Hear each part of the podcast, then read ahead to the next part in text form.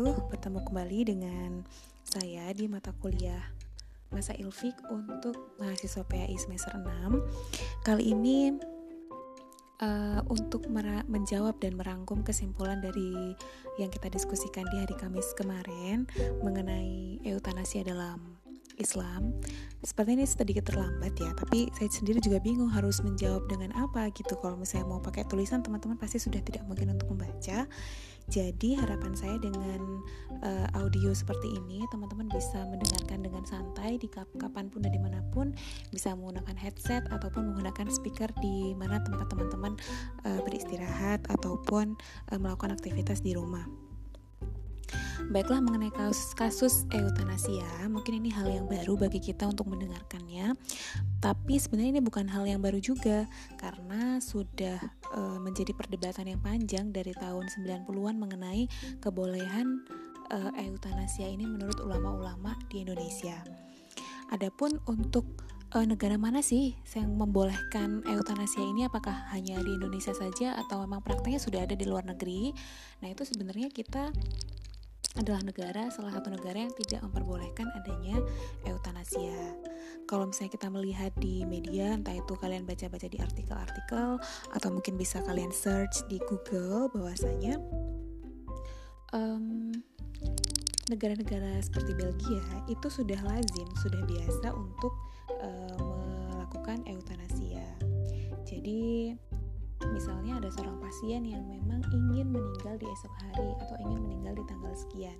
Jadi sudah melakukan uh, janji dengan dokter bahwasanya akan melaksanakan uh, eutanasia di tanggal sekian. Itu emang sudah sering terjadi di Belgia khususnya ya. Bahkan terakhir saya baca di internet itu ada pasien eutanasia termuda yaitu dalam usia 9 tahun. Oke, sebelum melangkah lebih jauh, sebenarnya kita harus uh, menjelaskan terlebih dahulu ya eutanasia itu apa. Bahwasanya eu dari kata baik dan thanatos dari kata mati, yang mana eutanasia itu adalah mati dengan baik mati dengan bahagia, mati dengan morality, mati dengan kebaikan, mati dengan ketulusan. Kurang lebih seperti itu artinya. Nah, adapun sebenarnya bagaimana sih prosesnya? Apakah harus uh, menggunakan racun atau menggunakan cyanida atau disuntik dengan cairan-cairan yang bisa mematikan? Ataukah seperti itu? Nah itu memang memiliki uh, banyak metode. Bahkan nanti akan dibagi ada beberapa macam eutanasia baik itu eutanasia aktif yang mana itu ada ada aktivitas untuk uh, melakukan. Kemudian eutanasia pasif yang mana itu uh, tidak ada barang kimia atau sesuatu yang masuk ke dalam tubuh pasien tapi ada pencegahan-pencegahan yang dilakukan oleh tim medis untuk melakukan sesuatu kepada pasien ya. Jadi ada bermacam-macam. Ada yang dengan memasukkan obat ada yang tidak ada ada yang modelnya pasiennya yang ingin dieksekusi ada yang tidak ada e, permintaan secara eksplisit dari pasien. Jadi memang ada e, perbedaan kurang lebih seperti itu. Di Indonesia sendiri bagaimana?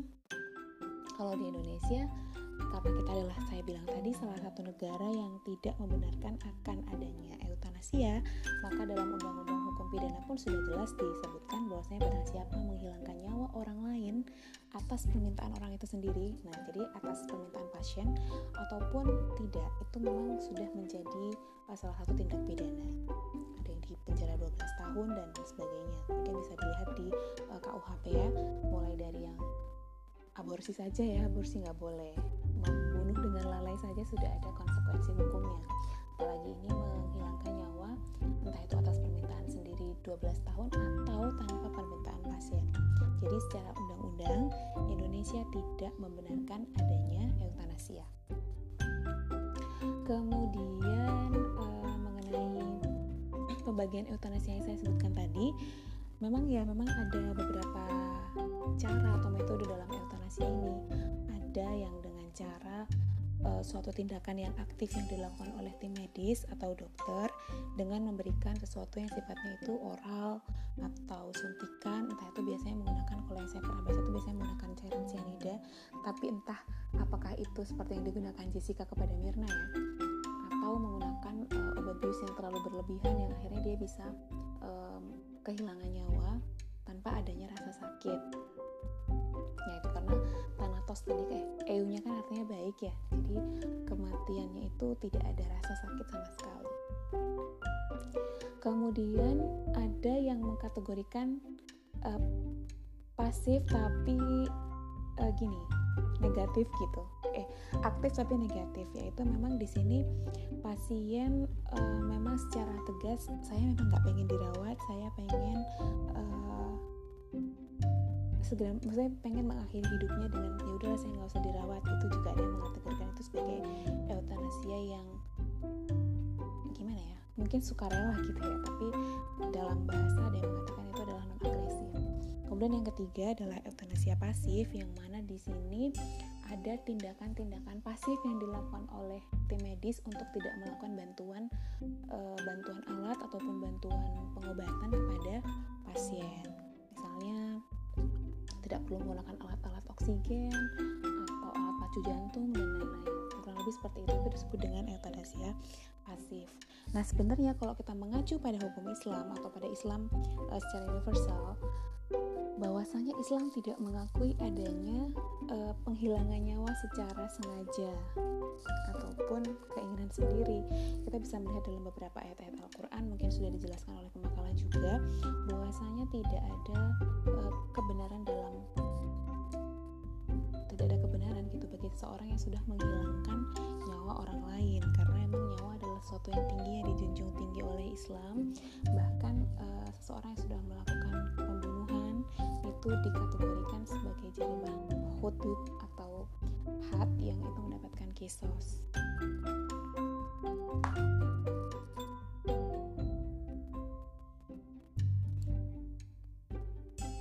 Mungkin teman-teman sudah sering ya mendengar uh, ayat-ayat tentang pembunuhan ya yang mana itu uh, mata diganti dengan mata, hidung diganti dengan hidung satu bukti bahwasanya agama kita agama Islam itu sangat menghargai uh, agama eh maaf menghargai nyawa seseorang kurang lebih seperti itu. Nah kalau kita mengacu pada usul fikihnya di usul fikih juga oleh yang dirumuskan oleh Imam Ash-Shatibi sudah jelas di antara uh, apa makosyidus syariah tujuan syariah itu diadakan kan ada lima hal yang harus dijaga yaitu hifdun hifduddin kemudian yang kedua adalah hifdu nafas ada hifdu hifdu mal ada hifdul akal dan yang terakhir adalah hifdu nasal atau hifdu nasab nah ini nafas juga merupakan salah satu yang harus dilindungi sehingga segala macam pembunuhan entah itu pembunuhan secara sengaja, tidak disengaja, ataupun atas permintaan sendiri, itu juga tidak dibenarkan dalam Islam.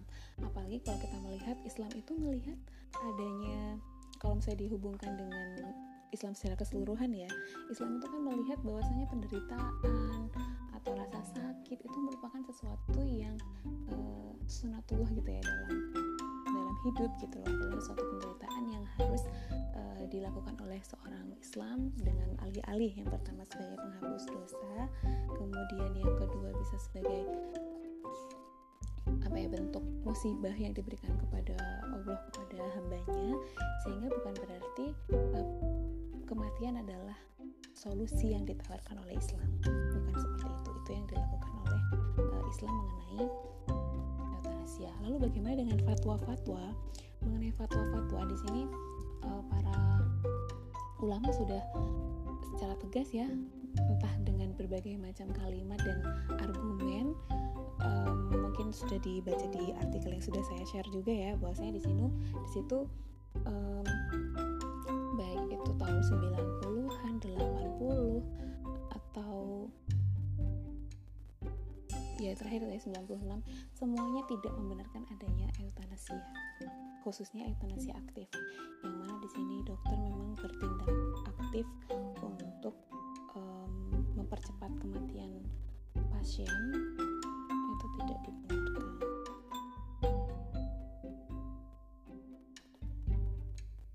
Tidak dibenarkan. Itu adalah sesuatu yang memang sudah menjadi kesepakatan hampir di seluruh ulama kita mengacu pada undang-undang juga demikian dalam kode etik kedokteran juga demikian. Karena dalam kode etik kedokteran disebutkan bahwasanya seorang tim medis dokter itu harus menjunjung tinggi jiwa seseorang. Jadi e, bukan malah terus menghilangkan nyawa seseorang dengan alasan karena sudah tidak bisa diobati sudah tidak ada hmm, kemungkinan untuk sembuh dan lain-lain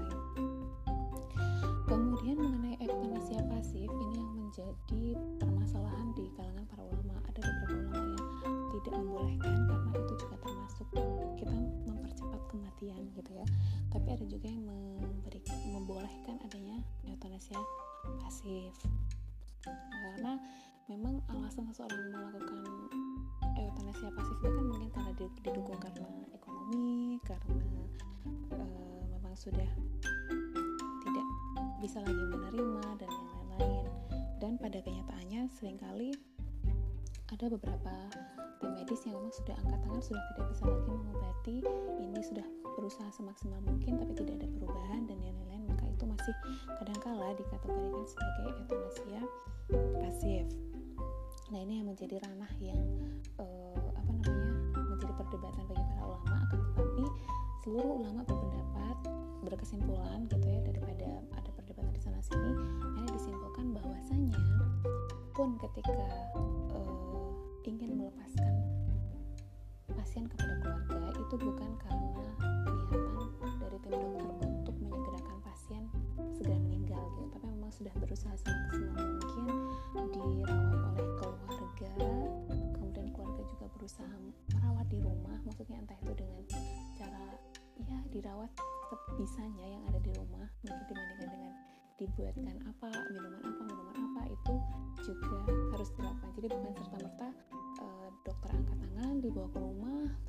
dibiarkan tidur di atas ranjang sampai dia meninggal nah itu juga bukan sesuatu hal yang disarankan oleh para ulama ulama yang sudah berpendapat tentang eutanasia jadi tetap ada upaya yang dilakukan oleh keluarga ataupun oleh dokter untuk menyelamatkan pasien dari penyakit yang dideritanya. Ini saya setuju dengan konsep ini karena kalau dari awal clue yang di atau garis bawah yang digaris bawahi oleh para ulama bahwasanya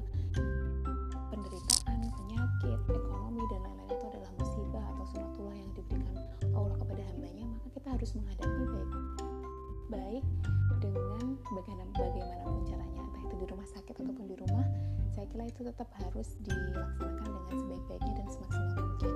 Kemudian muncul pertanyaan tentang coronavirus yang sekarang sudah merebak ya yang membuat perkuliahan kita juga jadi daring seperti ini. Ah, lalu bagaimana dengan kasus yang ada di Italia? Mungkin teman-teman sudah membaca artikelnya dan saya juga baca langsung itu bahwasanya memang karena kurangnya tenaga medis yang ada di Italia dan banyaknya pasien-pasien yang sakit sehingga dokter itu kebingungan untuk memilih pasien mana yang harus diprioritaskan. Kalau menurut saya ini bukan uh, melakukan eutanasia pasif akan tetapi mereka sudah melakukan perawatan semaksimal mungkin. Hanya saja mereka mengambil pasien dengan resiko yang paling tinggi. Bukan berarti pasien yang tidak diperiksa oleh dokter dibiarkan begitu saja. Karena pasti mereka sudah mendapatkan pertolongan pertama yang dilakukan oleh dokter.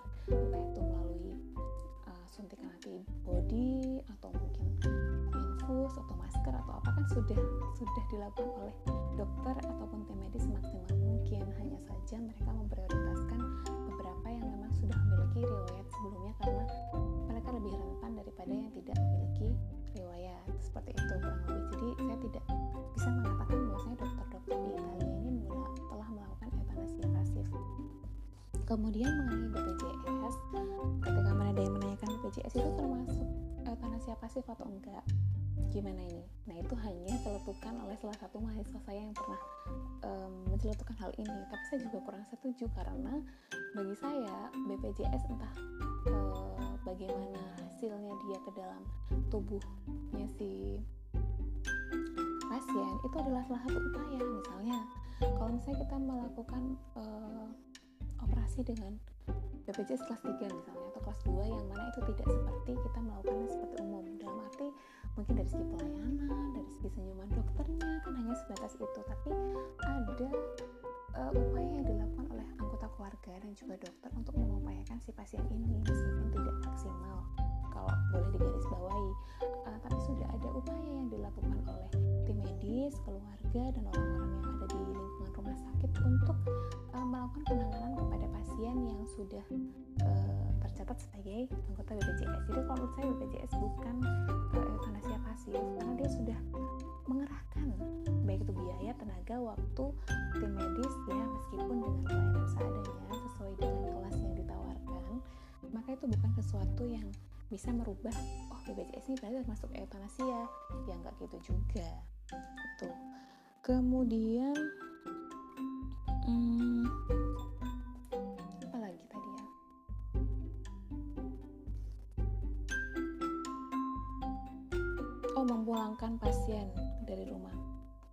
itu tadi yang saya bilang itu juga bukan merupakan uh, kalau bagi sebagian orang memang itu dianggap sebagai eutanasia pasif ya.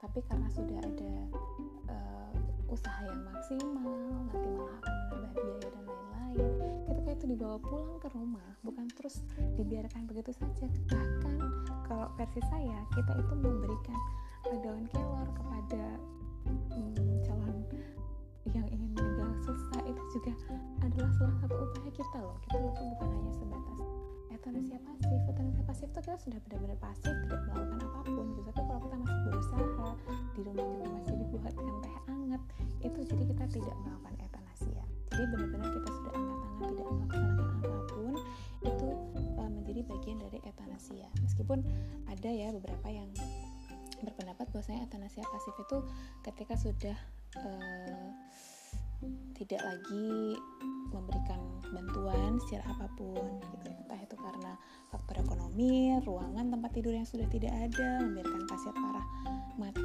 mati gitu kan. Tapi ketika itu dibawa ke rumah dan masih ada upaya yang dilakukan oleh keluarga maka itu bukan termasuk euthanasia tapi jika sudah sampai rumah terus keluarganya udah ya udahlah biarin aja sampai dia meninggal gitu. Ketika itu saya pernah menjumpai hal yang seperti ini di Gunung Kidul. Itu benar-benar uh, sang pasien ditaruh di atas ranjang anak-anaknya udah beraktivitas seperti biasa. Tapi nanti dilihat oh ternyata masih belum meninggal. Dilihat lagi oh belum meninggal. Nah ini menurut saya ini kategori uh, euthanasia pasif. Itu saja untuk menjawab pertanyaan teman-teman. Semoga berkenan. Dan untuk selanjutnya mungkin seperti ini selain diskusi yang kalian gunakan di kelas dan tugas-tugas yang kalian kerjakan saya akan menambahi beberapa materi dengan menggunakan audio seperti ini. Tidak harus didengarkan ketika jadwal perkuliahan tapi bisa dilakukan sesenggangnya kalian. Sambil makan sambil tiduran sambil main game dan lain-lain. Terima kasih teman-teman. Semoga memberikan manfaat untuk semuanya. Kita akhiri. Wassalamualaikum warahmatullahi wabarakatuh sampai jumpa di perkuliahan selanjutnya